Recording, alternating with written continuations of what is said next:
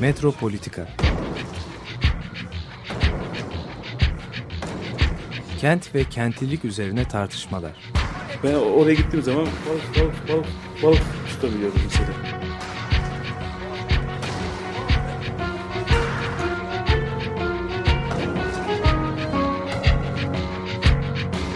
Hazırlayıp sunanlar Aysin Türkmen, Korhan Gümüş ve Murat Güvenç. Takusuyor ki. Kolay kolay boşaltamadı. Yani elektrikçiler terk etmedi Perşembe Pazarı merkezinde. Merhabalar değerli Açık Radyo dinleyicileri. Metropolitika'da bugün e, sevgili Aykut Köksal'ı konuk ediyoruz. Eleştirmen, mimar, mimarlık tarihçisi. Evet, nasıl tanıtayım seni? Yayıncı. Şimdi yayın da faaliyetlerin epey zamandır çok e, gelişmiş bir şekilde, hızlanmış bir şekilde yürüyor. Televizyon yapımcısı, radyo programcısı, Açık Radyo'nun programcısı. Saymakla bitmez Aykut. En iyisi ben burada keseyim. Çünkü yoksa programı yapamayacağız.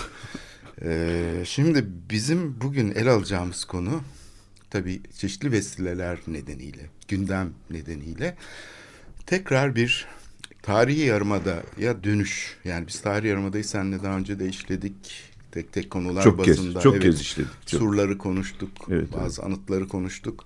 İşte Kariye'nin cami olarak işlevlendirilmesi vesaire falan. Ama bugün biraz bu son planlama kararları üzerinden e, konuşalım ve ne durumda bunu istersen değerlendirelim. Özellikle de tarih yarımada kararlarının tabii bir dönüm noktası var. Bu dönüm noktasını belki şöyle şey yapabiliriz, e, inceleyebiliriz. Hani 82'deki başvuru, 85'te UNESCO Dünya Miras Listesi'ne kabul edilmesi vesaire sonrasında 2004'lerden sonra başlayan süreç.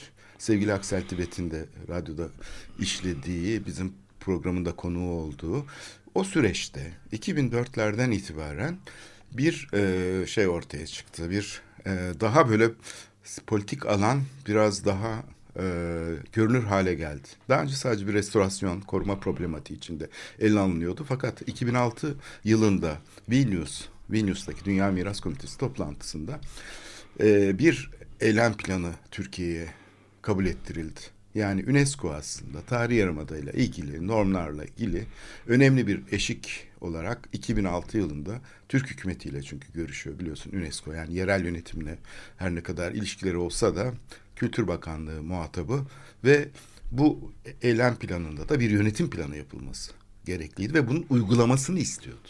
Yani bunun uygulaması için mesela surlarda, kara surları, Dünya Miras Listesi'nde yer alan dünyanın en büyük kentsel e, sur varlığı olan İstanbul surlarının özellikle bu kara surlarının e, şey konusunda sadece bu, bu işte inşaat işleri onlara restorasyon demeyelim ile yapılan şeyde yara çıkan kriz nedeniyle sonra sivil mimarlık eserleri Sulu Kule, Süleymaniye vesaire gibi bütün bu problematiği sorgulayan bir eylem planı ortaya çıktı ve günümüze kadar da bu eylem planı üzerinde Türkiye yerel yönetim gerekli bir takım şeyleri adımları attığını iddia etti. Bunlar işte yönetim planının hazırlanmasıydı.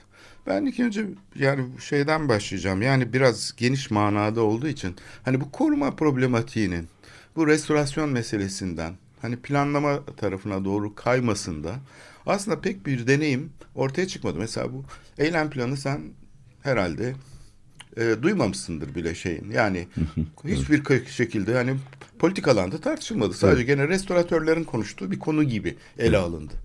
Yönetim planı ki kapalı hazırlanması mümkün olmayan bir şeydir. Uygulamayla çünkü etkileşimde... Zaten bir ko- herhalde bir e, koruma çalış planını Hı. tarih yarımada gibi bir yerde koruma planını en son nihai noktada konuşması gereken kişiler restoratör, önce restoratörler değil, en son restoratörler. Evet. Şimdi şeyde Şimdi, mesela hatırlarsan son bir şey daha söyleyeceğim. Ondan sonra sözü sana bırakacağım. Ee, tarih yarımada için bu arada bir koruma planı hazırlandı. Bu koruma planında da e, o kadar enteresan bir koruma planıydı ki yani bir yeni Osmanlıcı ideolojinin temsil sahnesi olarak tarih yarımadayı görüyordu. İşte sokağında şerbetçi dolaşacak, işte kafeslerin arkasından insanlar bakacak. Ben hatta belediye başkanına şey demiştim. Bu planı dedim uygulamanız için şehir tiyatrolarına epey oyuncu almanız gerekiyor. Çünkü hani binaları bu şekilde dekor şeklinde yapmanız yetmez. Fakat bunu gerçekleştirmeye çalıştılar. Yani Süleymaniye'de UNESCO, İKOMOS ortak gözlem heyeti ki her sene gelir bakar restore edilmek üzere başlanan evlerin çoğunun yok olduğunu gördüler. Niye yok oldu bunlar diye sordukları Yerine zaman dekor yapmak için. hayır restore etmek için. Şimdi tabii bu ahşap yapıların bu özellikle 19. Şimdi, yapıların evet. korunması bir problem. Sen herhalde bunlara değineceksin. Ee, bunlara değineceğim ama önce e, çok farklı metinlerde yıllardan beri çeşitli yazılarda e, ele aldığım bir meseleyi daha genel bir problematiği e, tarihi yarımadanın koruması nasıl hangi paradigma üzerine kurulmalıdır? Tarihi yarımadanın korunmasından ne anlamalıyız? E, onu oradan başlamak istiyorum. Ama oradan başlamadan önce niye nasıl oluyor da tarihsel yarımada yani bu e, kentin yüzyıllar öncesinden bugüne ulaşan iki imparatorluğa başkentlik yapmış olan çok önemli bir tarihsel merkezinin bugün hala bir koruma nesnesi olarak tanımlanabildiğini üzerinde durmak istiyorum. Başka bir deyişle kentin e, 19. yüzyılda e, hatta daha önce 18. yüzyılın sonlarında başlamış olan o modernleşme sürecinde tarihi yarımadayı koruyan ne olmuş? Oradan başlarsak eğer en sonunda da tarihi yarımadada bugüne ulaşan e, nasıl e, korunabilir? Nasıl korunabilirdi? bir yönüyle nasıl korunabilir ve bugün nasıl bir siyaset izlemek gerekir belki bunu görebiliriz. Ee, önce şunu saptamakta yarar var. Ee, tarihi yarımadanın en önemli özelliği kentin modernleşme dinamiklerinde merkezin yer değiştirmesi sonucunda o modernleşmenin getirdiği sert dönüşümün dışında kalmış olması. Yani modernleşme ile birlikte gelebilecek olan cazibe noktası oluşturmanın dışında kalmış olması. Bunu 19. yüzyılın ortasından itibaren görüyoruz. Bunun nedenleri var. Nedenleri nedir? Bu bunu e, Osmanlı modernleşmesiyle birlikte ele almak lazım. Çünkü biliyoruz ki Osmanlı modernleşmesi e, bir tür batılılaşma hareketi olarak e, e, ortaya çıkıyor. Batıyı e, model Batı modernleşmesini model alan bir hareket olarak ortaya çıkıyor. İstanbul İstanbul'da e, batı dediğimiz zaman hemen liman çevresi, Haliç'in kuzeyi, orada oluşan bütün elçilikler, bütün onunla birlikte e, geç dönem Osmanlı'da finans kapitalin o e, ku, Haliç'in kuzeyine e, de e, kendisine yer bulması, yani modernleşme dinamiklerini harekete geçirecek olan merkezin Haliç'in kuzeyinde yer alması. Bu bir kere karşımıza çıkıyor. Bunun sonucu şu oluyor, daha 19. yüzyılın ortasında e, önce e, Osmanlı'nın e, idari merkezi e, tarihi yarımadadan çıkıyor biliyoruz. Yüzyılın tam ortasında Dolmabahçe Sarayı'na e, saray taşınıyor. Tam aynı yıllarda Galata Köprüsü inşa ediliyor. Bunu izleyen yıllarda e, işte bugün Bankalar Caddesi diye adlandırdığımız bütün Karaköy ve e, çevresinin e, bu modernleşme dinamiğinin e, odak noktası halinde kendini gösterdiğini görüyoruz. Fazla lafı uzatmayalım. Daha sonra bütün e, e, modernleşme süreci kentin e, hat günümüze kadar hatta söyleyebiliriz bunu rahatlıkla sürekli merkezin kuzeye doğru yer değiştirmesiyle oluyor. Yani e, önce bütün Pera, İstiklal Caddesi, oradan Taksim e, giderek e, Harbiye, Şişli, Mecidiyeköy, Büyükdere Caddesi yani ve giderek Maslak. Tabii bu e, merkezin kuzeye doğru yer değiştirmesinde çok e, kent bir yandan e, kente ilişkin çok temel belirleyici ulaşım kararları e, bu yer değiştirmeye paralel olarak ortaya çıkıyor. Bir yandan da bu yer değiştirmeyi e, destekliyor. Yani işte 1973'te e, açılan Boğaz Köprüsü biraz daha kuzeye doğru tırmandırıyor. Ardından açılan ikinci köprü merkezi Maslak sırtlarına doğru daha da kuzeye tırmandırıyor. Şimdi ama bunun sonucu şimdi bu bu kentin metropoliten ölçekteki bu değişiminin getirdiği meseleleri bir yana bırakalım. Ama bunun şöyle bir sonucu oluyor.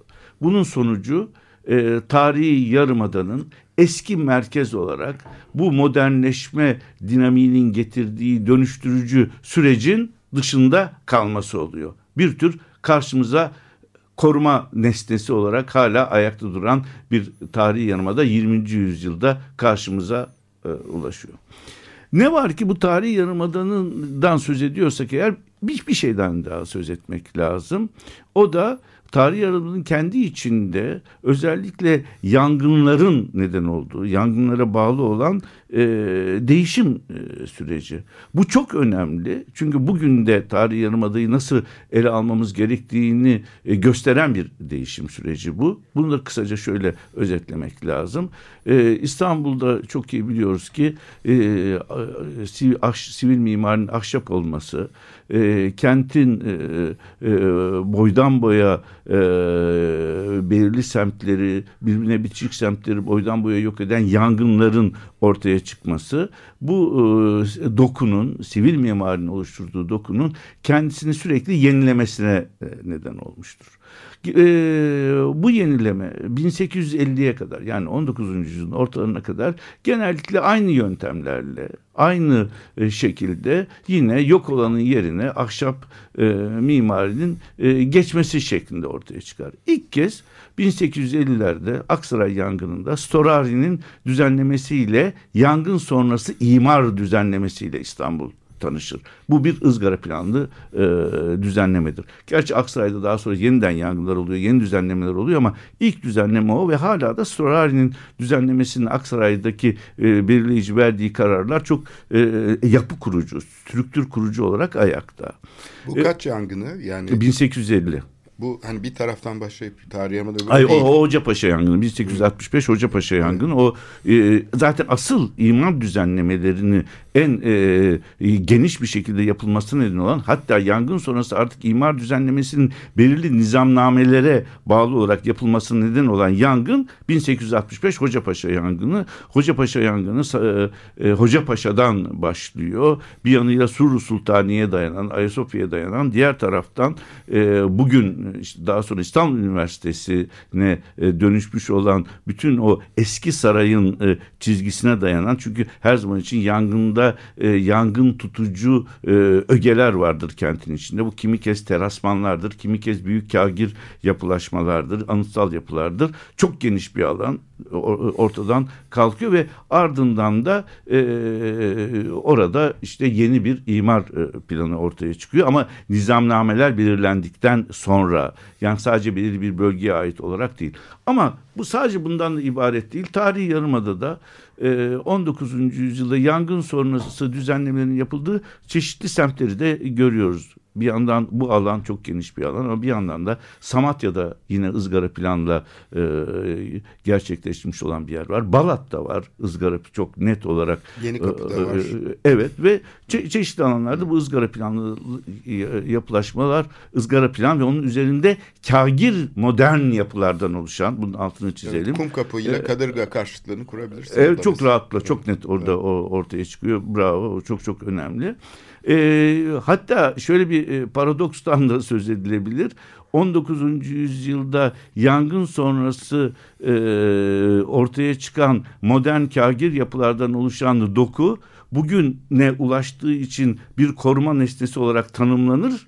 Ama tam tersine e, o ta Bizans'tan bugüne ulaşan organik doku üzerindeki ahşap yapılar 1950'den sonra yerini betonarme modern binalara bıraktığı için oralar mesela koruma alanı olarak görülmez. Bunun Balat Balat'la ilgili yapılan koruma çalışmaları bu çok net e, görülüyor. Ha o zaman buradan şuraya geliyor. Şimdi bir kere bunu çok net tanımlayalım. Yani tarih yarımadaya baktığımızda aslında bu demin söylediğimin sonucu şu. Bir yanda e, üzerinde 19. yüzyıl ikinci yarısının modern kagir yapılarının oluşturduğu büyük bir bölümü yeniden planlanmış olan ızgara planlı alanlar var. Hepsini sıraladık az çok e, ve bir yandan da e, o e, alanların dışında kalmış. Bizans'tan bugüne e, Osmanlı'ya ulaşan, Osmanlı'dan 20. 19. yüzyıla ulaşan organik dokuya sahip olan yerlerde o organik dokunun üzerindeki ahşap sivil mimarinin yerini özellikle 1950'den sonra betonarme yapılara bırakmasıyla ortaya ya çıktı. yığma da Evet. var tabii. Çok sayıda kalfa işi yığma yapı var mesela. Ben Var tabii tabii. tabii. Ama Benim dedemin evi öyle mesela. Evet ama çok- ağırlık tabii var. Tabii ki var.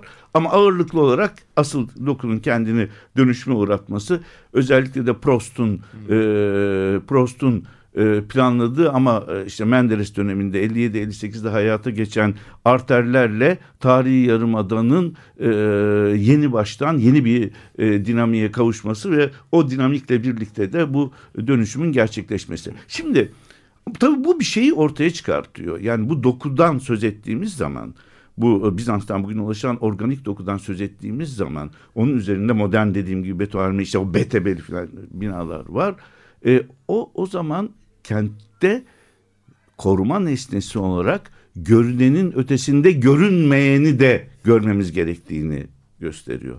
Bu başka bir e, sonuca da bizi götürüyor ki işte burada senin demin söylediğin yerlere hemen varacağız. O da şu tarihi yarımada görünen ve görünmeyen katmanlarıyla strüktürüyle bütün oluşturduğu yol dokusuyla onun taşıdığı tarihsel arka planla birlikte koruma nesnesi olarak Suriçi tarihi yarımada bir bütündür. Hiçbir biçimde fragmanter bir bakışla ele alınmamalıdır. Halbuki, halbuki tarihi yarımadayı konu alan bütün koruma imar planlarına baktığımızda bu fragmanter yaklaşımı görüyoruz. Bu öyle bir fragmanter yaklaşım ki bir tek sadece görüneni e, göz önüne alıyor.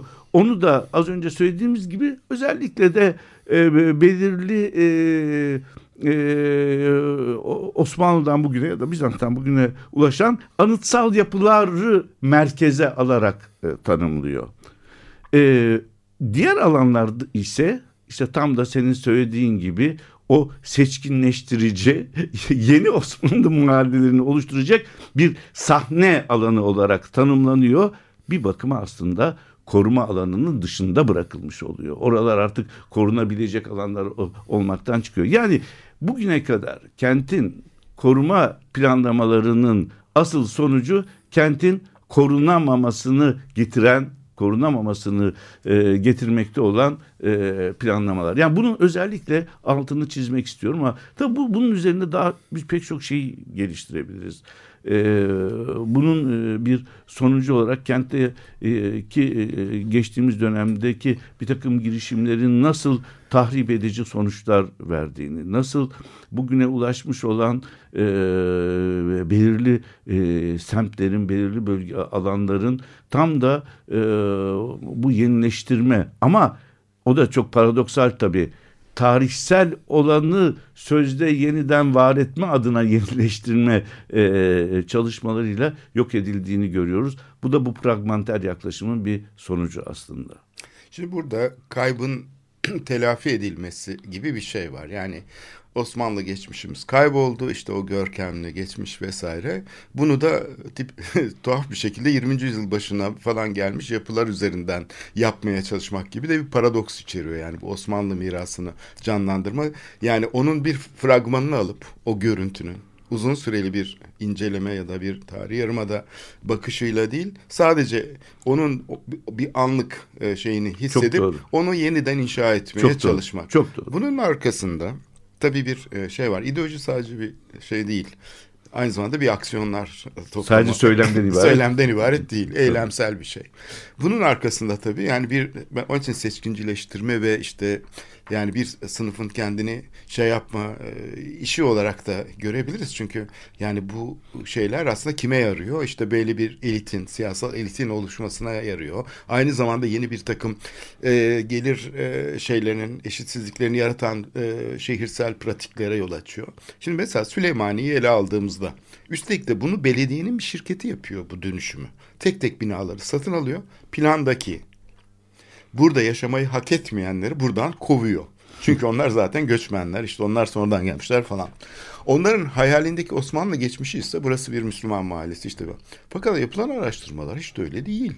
Süleymaniye aslında bayağı işte o yapısı da o zaten Arnavo yapılar falan da var işte. Neoklatik tabii yapılar. ki, tabii. Burası bayağı bayağı modernleşmenin aslında Osmanlı bürokrasisinin ve şeyin e, etrafındaki seçkinlerin e, e, yarattığı bir mekan yani bir 19. yüzyıl sonra e, ortasından sonra oluşmuş olan aslında modern bir doku bu. Bu tarihi bir doku değil. Yani sen de hep işaret edersin. Tabii tarihi ki. zannettikleri şey aslında modern. E, tabii ki tabii tabii işte Balat örneğinden verdiğim Balat'taki evet. örnek gibi. Tabii ki modern bir doku. Ve tabii burada e, ilginç olan yani bu mesela şey Ayrıca bir şey söyleyeyim. E, çok güzel bir noktaya e, değindin. E, e, çok e, önemli bu e, İstanbul'un ahşap sivil mimarisi dediğimiz zaman, ahşap evleri dediğimiz zaman zihnimizde beliren bir imge var değil mi? Evet. O imgede nedir? Cumbalar. E, cumbalar ve üzerinde e, ahşap kaplamalarla bir yapı. E, şunu biliyor muyuz?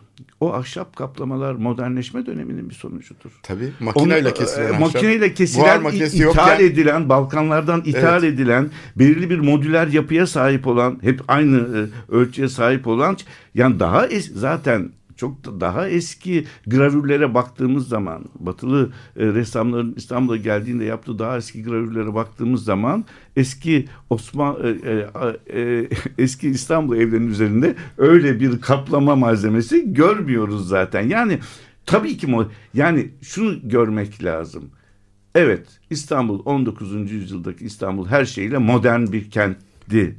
Ee, kendi içinde belirli bir modernleşmenin getirdiği değişimleri yaşamış olan kentti. Ama başta söylediğim gibi daha sonra ortaya çıkacak olan modernleşmenin keskin dönüştürücü e, e, sürecinin de e, dışında merkezin kuzeye doğru tırmanmasıyla dışında kalacak. Çünkü modernleşme dediğimiz zaman bütün süreci de etkileriyle birlikte bir tek bir e, olgu olarak görmemek lazım. Onun da e, belirli e, tarihsel dönemlerde, belirli düzeylerde e, etkileri var. Eğer böyle bir merkezin kuzeye tırmanması olmasaydı belki bugün karşımıza e, bir silüetiyle e, belleklerimizle kazınmış bir tarihi yarımada değil. Ben belki de Manhattan gibi bir tarihi e, merkez e, çıkacaktı karşımıza. Onun çıkması olması nedeni o başta söylediğim merkezin kuzeye doğru yer değiştirmesi.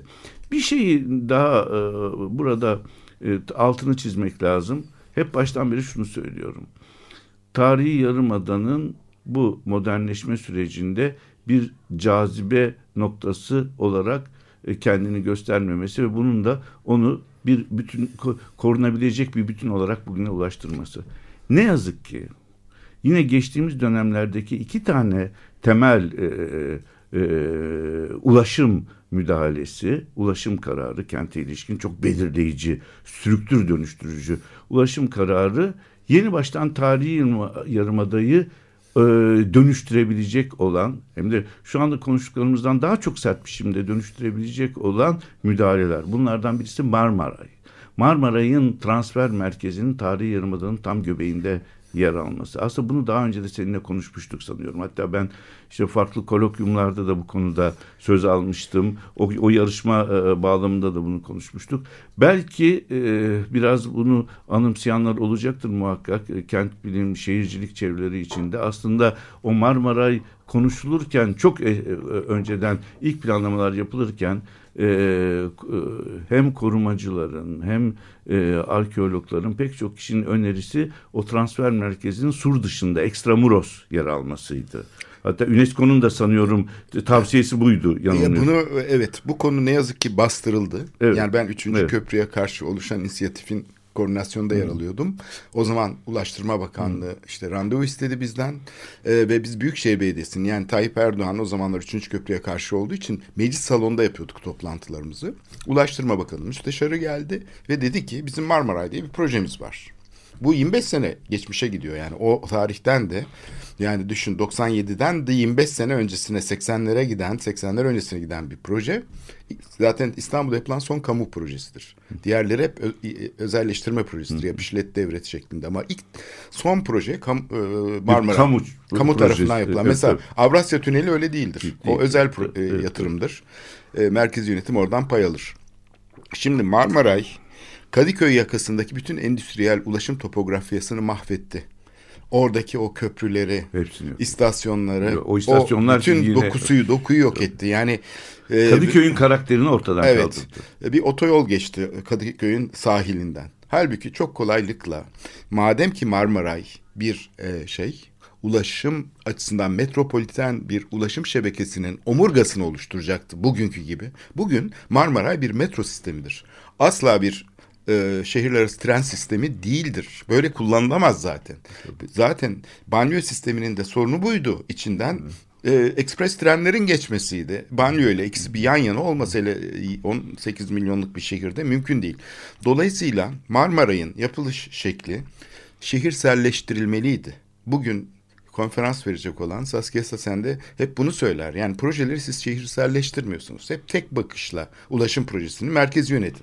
Efendim TOKİ bakışıyla e, toplu konut. Böyle olmaz. Şehirselleşmesi için ilişki kurması gerekir şehirde. Ve burada yerel yönetimin söz sahibi olması gerekir. Yerel yönetim de bunu talep etmiyor. Aa o Ulaştırma Bakanlığı projesi biz ona karışmayız diyor. Bu da çok komik. Bir de tabii unutmayalım ki e, kentin tarihini de demin az önce söz ettik. E, gerek e, 57-58 Menderes dönemi Prost'un çizgisinde giden müdahale. Gerek daha sonra birinci köprü, ikinci köprü ve onların çevre yolları. Bütün ulaşım e, politikaları kentin strüktüründe dönüştürücü sonuçlara yer E tabi bunu merkezi yönetim bilerek Ee, yapıyor. yani- Biz de hala bunları ulaşım projesi diye konuşuyoruz. Bunlar ulaşım projesi Değil, değildir. tabii ki değil, tabii. Bunlar rant makasını arttırmak için ve yeni bir siyasi şeyin ideolojik eylemsellikleridir. Farklı bir siyasal Aynı modeli. zamanda e, şu açıdan da ulaşım projesi Evet. değildir. Bunlar doğrudan doğruya kentin strüktürüne çok temel, orta ve uzun e, süremde e, dönüştürücü müdahalelere neden olacak olan projelerdir. İşte hatırlarsan bu Marmaray projesinin E5 kağıthane hattında yapılmasını savunduk biz o zaman ama birçok e, insan da mesela Turgut Cansever bu konuda çok önemli bir kişilikti. Çünkü Büyükşehir Belediyesi'nin danışmanıydı o tarihlerde. Tayyip Erdoğan'ın danışmanıydı Turgut Cansever. O ihanettir, cinayettir gibi laflar etti. Yani çok direndi zavallı ve kimse onu dinlemedi. Yani burada asıl tabii gümbür gümbür merkezi yönetimin şehri nasıl kıskaç altına aldığını görüyoruz. Hiç umursamadan. Çünkü Ulaştırma Bakanı'nın kendi inisiyatifinde geliştiği için proje gidip de onu Bayındık Bakanı'na rakibine verecek değil ya. Bayındık Bakanı'na rakipti Ulaştırma Bakanı. Aynı hükümetin içinde yer alsalar bile çünkü bürokrasiler ayrı bir mantıkla örgütlüyorlar kendi aksiyonlarını. Dolayısıyla çok kolaylıkla bu proje E5 hattına paralel bir şekilde şehrin omurgasını oluşturacak şekilde yapılabilirdi. Böylece o dikey ulaşım hatları da ve gereksiz ulaşım masrafları ortaya çıkmazdı. Daha verimli çalışabilirdi. İki köprünün arasından geçebilirdi ya da birinci köprünün e, güzergahına yakın bir yerden geçebilirdi ve kağıthaneden çıkabilirdi. Şimdi burada çok ciddi bir temel hata var ama hiç kimse bunu şey yapmıyor, tartışmadı bile. Bunu neyle telafi etmeye çalıştık? Yeni kapıda yani bu ortaya çıkan Marmaray'ın ortaya çıkardığı krizin hiç olmazsa farkına varılsın diye. Burada tarihsel bir kriz yarattı bir kere değil mi? Ta- şehir tarihi arkeolojisiyle bir şey var, ilişkisi var kazıların. Dolayısıyla bunu işlemeye çalıştık. Ben onun için çırpındım o tarihten sonra. Madem Marmara'yı üzerinde etkide bulunamıyoruz hiç olmazsa onun şehirselleştirilmesini yer üstünde sağlayalım. Yer altında sağlayamadık. Onun için çırpındım biliyorsun. Belki 10 sene çırpındım ben bunu şey yapabilmek için. Diğer konuda tabii bunun yaratacağı etkinlik etki, etkilerin analiz edilerek ona göre çözümler geliştirmesi gerekiyordu belediyenin. Hayır. Belediye tam tersine o etkilere e, şey yapacak göre davranış geliştirmek yerine kendisi de onun içine eklemlendi. O merkezi yönetimin rant makasını arttırma şeyini oturdu. Kentsel dönüşüm projeleri hazırlamaya başladı Marmara etrafında. Orada biliyorsun bir AVM yapmaya kalktılar. Bunu da bir üniversite, saygın bir üniversite yaptı projesini.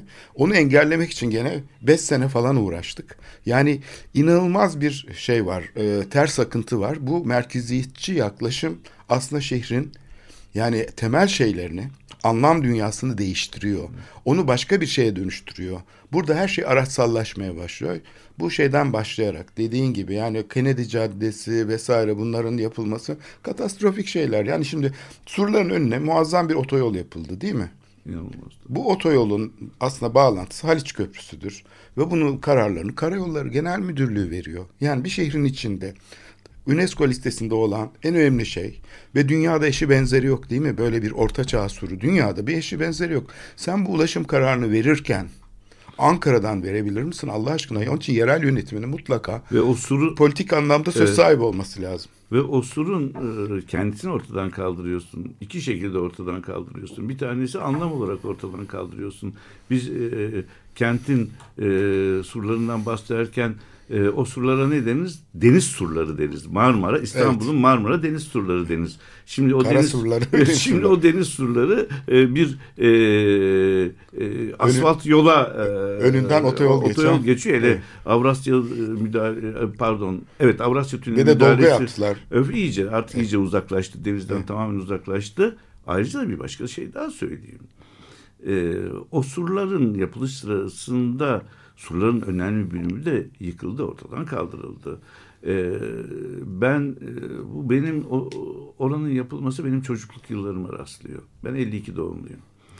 Ve e, benim e, çocukluğum e, Pialoti Caddesi'nde geçti. Yani Türbe'den Kadırga'ya inen o caddede geçti. E, birkaç şeyi çok iyi hatırlıyorum. Bir, o surların e, ortadan kaldıran e, o e, gürültülü dinamit atışlarıyla nasıl yıkıldığını, o sesleri hatırlıyorum.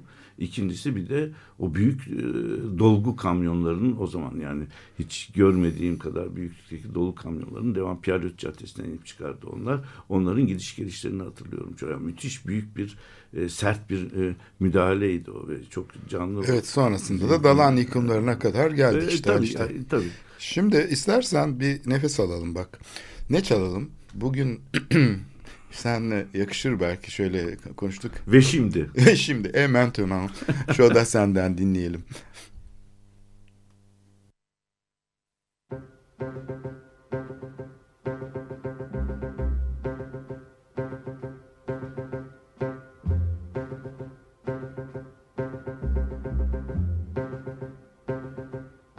Et maintenant, que vais-je faire de tout ce temps Que sera ma vie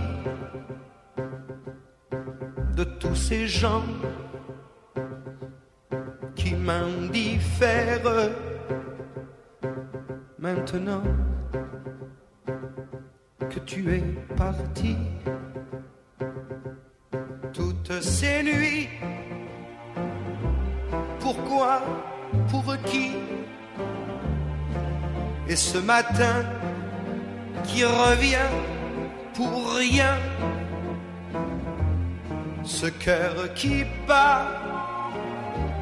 Pour qui? Pourquoi? Qui bat trop fort? Trop fort et maintenant, que vais-je faire Vers quel néant glissera ma vie Tu m'as laissé la terre entière, mais la terre sans toi, c'est petit mes amis, soyez gentils. Vous savez bien que l'on n'y peut rien. Même Paris crève d'ennui. Toutes ces rues me Et maintenant, que vais-je faire? Je vais en rire pour ne plus pleurer.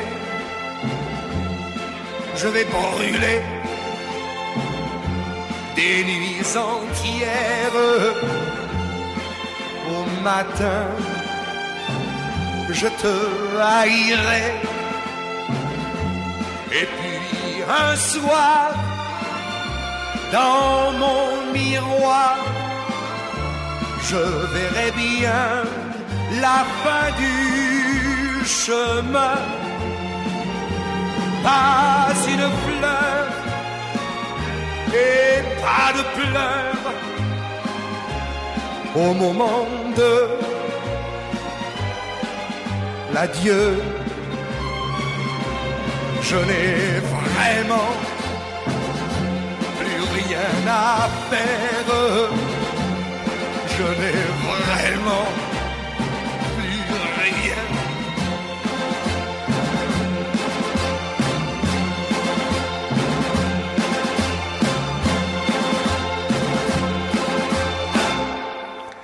Evet, Metropolitika devam ediyor.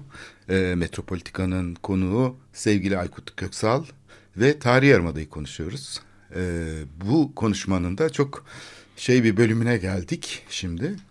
Ee, bu eylemsel bir şey dedik. Yani bu ideolojik bir sahne olarak görüldü Tarih Yarımada. İşte bu yeni Osmanlıcı akım.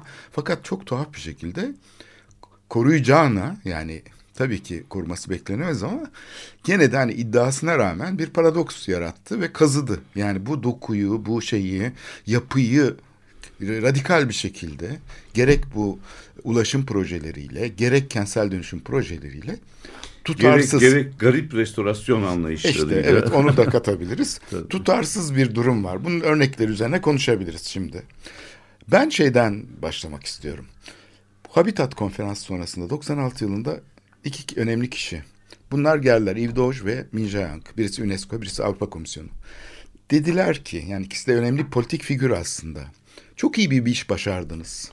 Yani sivil toplum işte güçlü bir direniş ve siz Türkiye politikalarını değiştiriniz yani köy yakmalar, zorla, zorla insanları tahliye etmeler, tehcirler bilmem her şeyi etkilediniz ve iyi bir umut dolu bir şey yarattınız. Bunu da Cumhurbaşkanı dahil herkes benimsedi.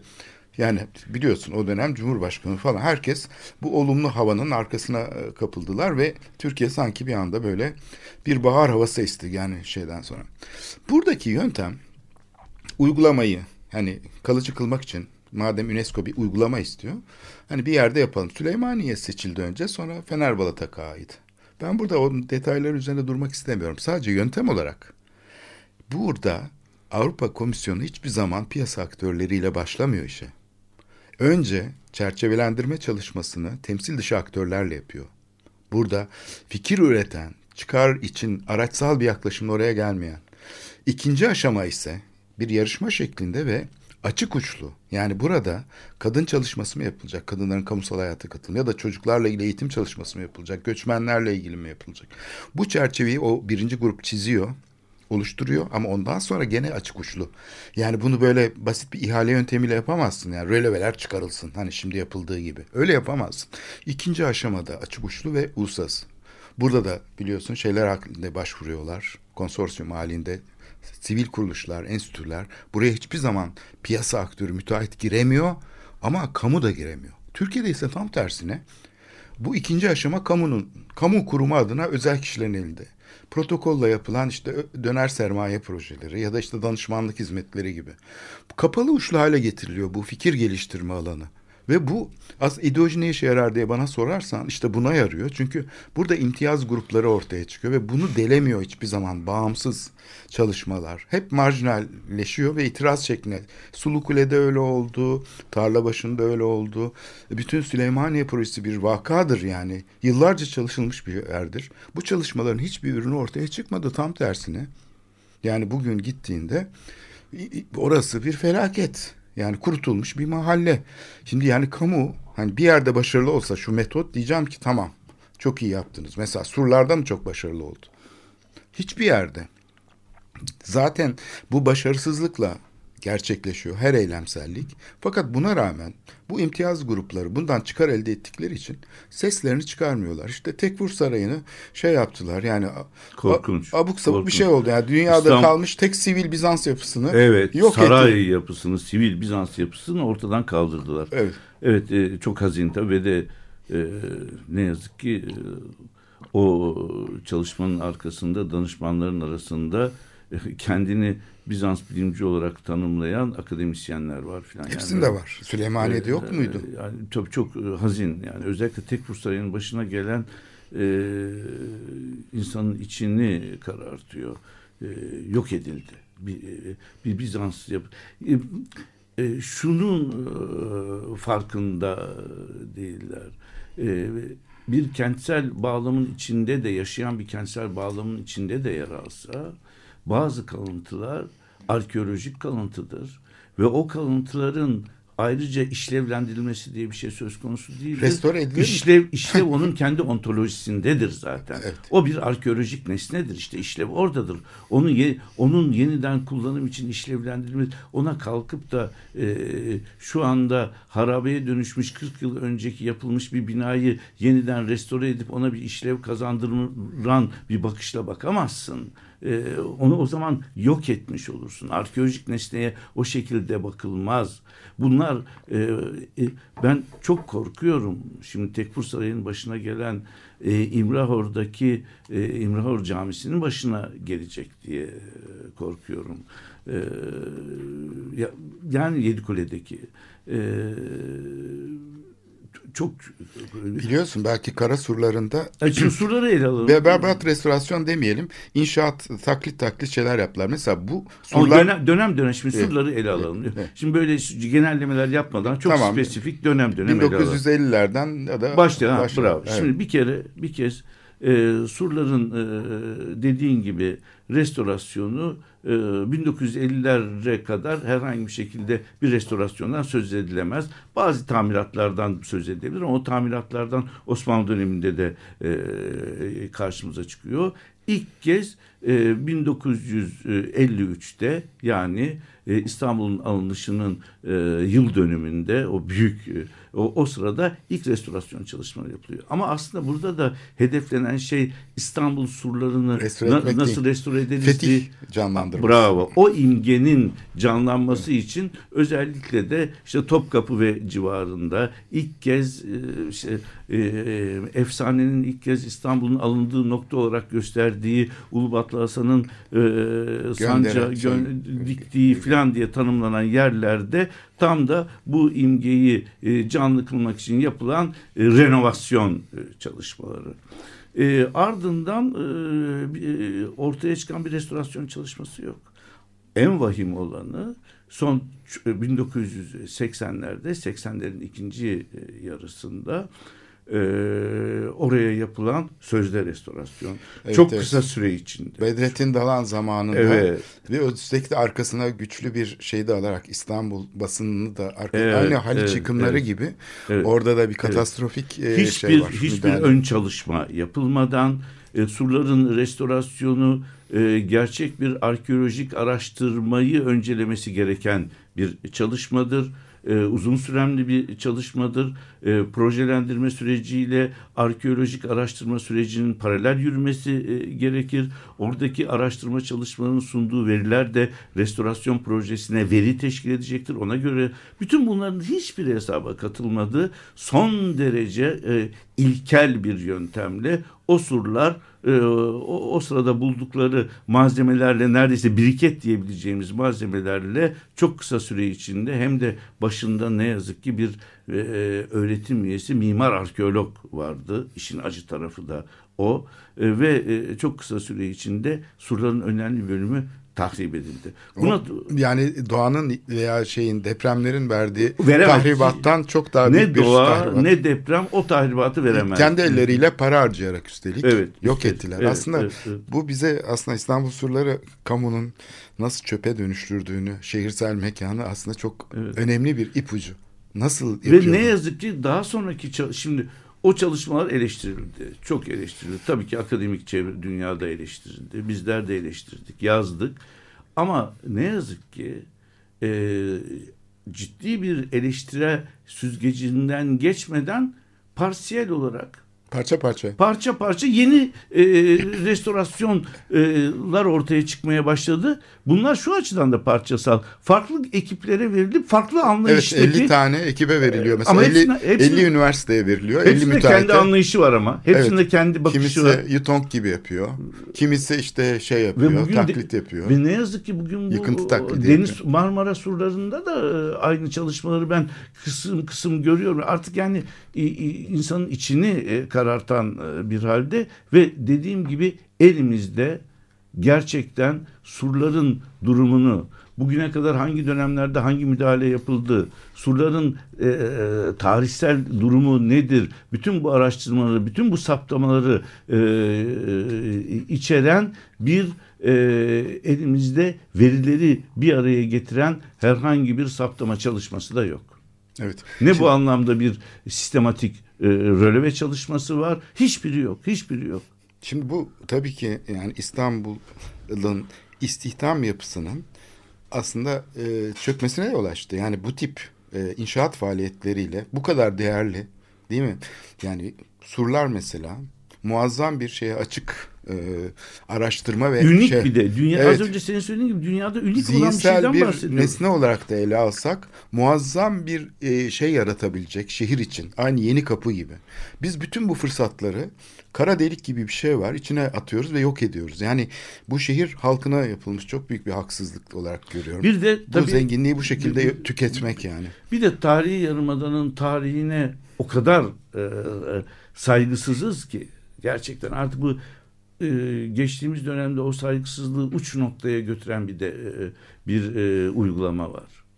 Şimdi e, Bizans erken Bizans döneminden günümüze kadar tarihi yarımadanın bir profil çizgisi vardır değil mi? Hep bizim belleğindedir. Yani çok daha e, küçük yaşlarda bile e, biraz dikkatli okuyan belirli bir e, bilgiye sahip olan bir gence bile İstanbul'un tarihi yarımadasının e, sınırlarını çiz desen üç aşağı beş yukarı çizer. Ve bu kentin sahip olduğu aynı içerideki mevcut yapılar gibi tarihten devraldığı bir e, unsur, önemli bir unsur. E, nasıl e, bütün Türkiye dediğimiz zaman işte e, Asya'dan Avrupa'ya doğru uzanan o kısrak başı formundaki sınır çizgisi bizim için çok anlamlı ve önemliyse aynı onun gibi tarihi yarımadığında böyle bir sınır çizgisi. Biz ne yaptık peki? Yeni kapıya bir ur ekledik bütün bu sınır çizgilerini yok eden bir, bir ur ekledik. Ve bu uru ve bunun başlangıç noktasında kentle ilgili olumlu e, metropoliten düzeyde olumlu kararlar vermesi e, e, vermesini umulduğu pek çok kişinin akademik çevrenin e, umut bağladığı metropoliten planlamanın başında olan kişilerin e, zihinlerinde oluşan bir e, proje sonucunda ortaya çıktı. Sakladılar biliyorsun bunu. Yani, Yani, ben orası ben Orhan ben senin e, kadar bu işin e, e, yerel yönetimlerin çalışmaları e, yapılan bu çalışmaların senin kadar içinde değilim. Bu kadar ayrıntılı bilmiyorum. Sonuç olarak ben e, ortaya çıkan göstergelerden Hayır, çok basit bir şey söylüyorum. Çok çok basit. Biliyorsun İMP yani o planlama diye kurulmuş büro e, tekelci bir yapı içinde kuruldu ve bunun şeyini üstlenmişti. Yarışmayı düzenlemeyi üstlendi. Fakat yaramaz bir çocuk gibi uzun süre seçici kuruldan şeyi sakladılar. Bu yapılacak müdahaleleri. Bunlardan bir tanesi dolguydu, bir tanesi de araç tüneliydi aslında. Bunlar e, seçici kurulun dikkat edersen programda bunlar yoktu. Program- Yeni Kapı e, yarışmasını, yarışmasını evet. sözünü E, planlarda da yoktu zaten. Evet. Plan, yani tarihe- Zaten o yarışma projelerinde ilk kez karşımıza çıktı bu e, dolgu alan. evet. o yarışma projesi sunulan yoktu. projelerden biriydi ve o projeyi sunanlardan Seçici birisi kurul. de metropoliten planlamanın başındaki, başındaki kişi, kişi kişiydi. oradan ayrıldı ve kendisi yarışmaya girdi. Şimdi bu büyük bir skandaldır. Tabii. Böyle bir skandalda işte bütün mimarlar odaları falan ayağa kalkması gerekir. Yarışmanın iptal edildiğini söylemesi gerekir. Çünkü bir program değişiyor. Yani yarışmanın ortasında seçici kurul değişir mi? Seçici kurul değişti. Bu yarışmanın düzenlenmesine neden olan gönüllü inisiyatifi devre dışı bıraktılar, attılar. Biliyorsun. Niye attılar? Bu dolguyu yutturabilmek için. Yeni bir seçici kurulu oluşturdular. Onlar da zaten etliye sütlüye karışmayan, oraya AVM'de yapılsa zaten sesleri çıkmayacak insanlardı. Onları koydular. Ondan sonra birinci fazını tamamlamış olduğu için yarışma yedi kişi seçilmişti. Yedi tane grup. Ona iki tane eklediler. Eklenen iki gruptan bir tanesi İMP'nin başındaki kişinin aracılığıyla öbürkü de koruma kurulunun başı. Yani eski sisteme geri döndürdüler. İşte yani bu kapalılık, bu imtiyaz grupları aslında politikaların büzülmesine yol açıyor ve bunları kimse konuşamadı. İstanbul'un başına gelen felaketlerin bu şey haksızlıkların diyelim İstanbul halkına yapılan bu haksızlıkların tepesindeki insanların bu imtiyaz şeyleri var. Çünkü bu ideolojik pratikleri aslında onlar koşullandırıyor. Yoksa açık olsa bu şehir bu tip tartışmalara insanlar kendi yararları için sahiplenirler. Yani doğru dürüst bir proje yapılmasını isterler. Hiçbir zaman böyle paldır küldür oldu bittiye getirilmez. Ama buna fırsat tanınmıyor. Bir şey daha söyleyeceğim. Bütün bu e, benim daha do- doktora e, çalışmasından başlayarak ilgilendiğim alanların başında İstanbul'un tarihsel topografisi geliyor. Doktora e, konumda İstanbul'un Bizans dönemi tarihsel topografisine ilişkindi. Birinci Konstantinus öncesinde İstanbul'un büyüme sınırı üzerine e, çalışıyordum. E, ne yazık ki İstanbul'un erken Bizans döneminden bugüne tarihi yarımadanın özellikle tarihi yarımadayı konu alan tarihsel topografya çalışmaları son derece zayıf. Hala e, e, Janet'in e, hatta 19. yüzyıl sonundaki Van Millingen'in çalışmalarının e, bıraktığı noktadayız. E, çok önemli bir toplam Müller-Wiener'in 1977'de yayınladığı İstanbul'un tarihsel topografyasıdır. O eldeki bütün verileri olabildiğince titiz bir şekilde sunmaya başlar. Ama 1977'den bugüne de kaç yıl geçti? Neredeyse 45 yıla yakın bir zaman geçti değil mi? Çok e, büyük bir süre. Onun üzerine de tek bir e, henüz taş konmuş durumda değil. E, bütün bu korumayı koruma nesnesi olarak tarihi yarımadan süzerken elimizde tarihsel topografiye ilişkin bütün verilerin olması lazım. Bir şeyi söyleyeceğim. İstanbul'un topografyasını biliyoruz. İşte Yeditepe vesaire filan bütün e, onunla bitişik olan. Bu sert topografya içinde yapılaşmayı olanaklı kılan şeylerin başında ne gelir? Bizans döneminden bugüne terasmanlar gelir. İstanbul'un bu terasmanları kentin e, bu strüktürünü, yerleşme strüktürünü Bizans döneminden bugüne kadar belirlemiştir ve bu e, terasmanların hepsi ayaktadır. Daha henüz şimdiye kadar bu terasmanları konu alan herhangi bir doktora çalışması, herhangi bir çalışma yapılmadı. İstanbul'un bütün asıl yerleşim strüktürünü oluşturan topogra- topografiyi yerleşilebilir hale getirmiş olan terasmanlarla ilgili bir döküm yok elimizde. Bir çalışma yok, saptama yok ve biz burada işte seninle birlikte oturuyoruz. E, tarihi yarımadanın korunmasında ve bu arada da kent e, tarihi yarımada ile ilgili son derece radikal kararlar veriliyor, dönüştürücü kararlar veriliyor vesaire. Evet. Evet. Söylediğin Yani- şey bir öngörü demek. Yani bu işin şöyle bir pratik e, sonucu var söylediklerinin. Kurtarma kazısıyla olmaz arkeoloji. Olmaz tabii. Bunun arkeolojinin proaktif olması lazım. Yani öngörüleri sağlaması lazım. Arkeoloji böyle bir bilimdir. Sonradan itfaiye gibi kazı başladıktan sonra otel inşaatında Aa, buradan duvar çıktı, buradan şu çıktı diyerek arkeoloji yapılmaz. Ne yazık ki İstanbul'da kurtarma kazısı olmayan bir tek kazı var. O da ta Küçükyalı'da Arkeopark. Tek kurtarma kazısı olmayan arkeoloji kazısında bir Alexandro'nun yaptığı Alessandra İtalyan geldi o yapabiliyor. O da bin bir emekle ve gönüllülerle. Evet, evet, evet. Onun dışında İstanbul'da Tabii, tabii. En fazla veriyi sağlayan e, kazılara baktığımda Polyektos kazısı bir kurtarma kazısıdır. E, aynı şekilde e, Polyektos kazısı çok önemli kazılardan biridir. O dediğin gibi kurtarma kazısıdır Saraçhane'de. E, şey tabii ki yine çok veri sağlayan Yeni Kapı'daki e, Theodosius kazı- Limanı, liman o da bir kazı- kurtarma O da kazısı. bir kurtarma kazısı. Çok Evet. doğal, son derece dediğin doğru. halbuki bunlar biliniyordu. Ya Yeni Kapı'nın dolgu olduğunu mi? kim bilmiyordu Allah Bilmez aşkına? canım, E ki. peki nasıl oldu da yani buranın dolgu olduğunu bile bile buraya inşaat yapmayı, AVM yapmayı bir üniversite akıl etti. O Sırf, da sırf bu bağlamda Kadırga Limanı'nı Kontoskalyon, Evet. işte önce Julia Limanı olan sonra adı Kontoskalyon adına dönüşen Kadırga Limanı'na oturup konuşsak seninle burada. Bütün onun tarihsel gelişimi tek başına şu programın süresini alacak bir konuşma konusu olur ve orayla ilgili yapılabilecek olan inanılmaz e, çalışmalar ortaya çıkar. Evet şimdi tarihi yarımada sayeden e, yani bir eğitim çalışması olarak ilkokullara falan e, girmesi gereken bir müfredat programında olması gereken bir şey. Yani bizim Ve şu ve, şehirle- ve de en güzel tarafı da işte konuşmanın başında söylediğim gibi kentin o modernleşme dinamiklerinin tahrip edici etkisinin dışında kalmış olması nedeniyle bu planlanan bir şey değil. Kentin gelişim dinamikleri öyle. O yüzden de hala bugün onun korunmasından söz edebiliyoruz. Kentin nüfusu 17 milyona ulaşmış, metropolün nüfusu 17 milyona ulaşmış. Biz hala tarihsel merkezin korunabilirliğinden söz ediyoruz. Bu da aslında çok büyük bir şans. Bunu da görmemiz lazım. Evet şimdi bu tabii bu kavramın ortaya çıkmasını sağlayan tarihsel koşullar bir tarafa.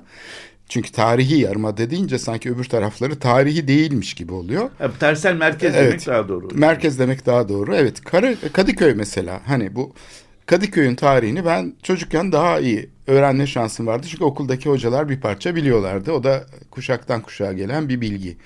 Ama şimdi bugün belediyenin elinde bu bilgi yok mesela. Yani bu semt semt, yer yer insanların bulundukları şeyle ilişki kurmalarını sağlayacak doğal ve ne diyelim doğal demeyelim buna çünkü hepsi aslında e, insani şey bu insan tarafından değerlendirilen bir çevre algısı bu eğitimin zaten temeli bu oluşturmalı. Üniversitelerde bile bu yok. Bırakalım ilkokulları. Üniversite bile bulunduğu bağlamla ilişki kurmuyor. Örnek işte Galata Port mesela.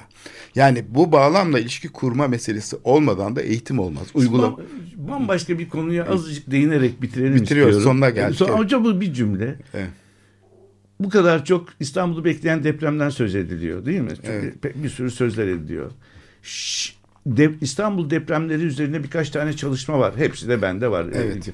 Ama henüz İstanbul depremlerini yapıların hangi yapıların hangi depremde hangi tahribata uğradığı ve onların ö, kentte oturdukları yerin jeolojik yapısı neydi onların ö, bu yapılar üzerindeki etkisi neydi bütün bunları bir araya getiren bir çalışma yok ortada. İşte onlar bir çalışma, bu, yani İstanbul mesela küçük kıyamet denen bir depremle karşı karşıya geliyor ama çemberli taş ayakta duruyor. Çemberli taş ilk yıkılması gereken şey çemberli taş obelisk ayakta duruyor. Evet. Yanındaki dikili taş ayakta duruyor. Ama bunu da hiç kimse mesela sor- sorgulamıyor. Bunun acaba e, neyle ilgisi var? O konumlandığı yerle ilgisi nedir? Jeolojik yapısı Onu herhalde de- vesaire. ve- Yani demek istediğim Depremden sonra herhalde bunlar konuşulacak artık. Çünkü Biraz bu bunlar oldu. uygulamalı Biraz şey olacak. Çünkü Peki. fay hatlarını şimdi keşfetmekle ama, ama buna karşın buna karşın niye e, Edirne Kapı Mihrimah Camisi'nin her depremde çok büyük tahribata uğradığı e, da bir başka bir İstersen yol. sen de yani birkaç Bunu- bunu da bir bir seri konuş- yapalım. Bu seriden bir tanesi de tekrar deprem olsun. Bence Burada de, da bitirelim bence- programı. evet, Çok evet, teşekkürler ağzına Ben sağlık. teşekkür Aykut ediyorum. Köksal. Herkese iyi bir hafta diliyoruz. Hoşçakalın.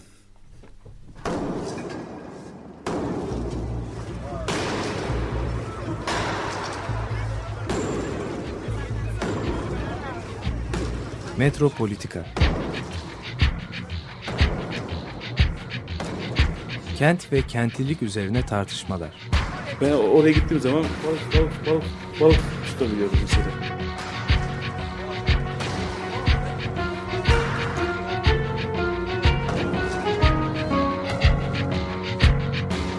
Hazırlayıp sunanlar Aysin Türkmen, Korhan Gümüş ve Murat Güvenç. Takusuyor yani. Kolay kolay boşaltamadı. Yani elektrikçiler terk etmedi Perşembe Pazarı merkezini. Açık Radyo program destekçisi olun. Bir veya daha fazla programa destek olmak için 212 alan koduyla 343 41 41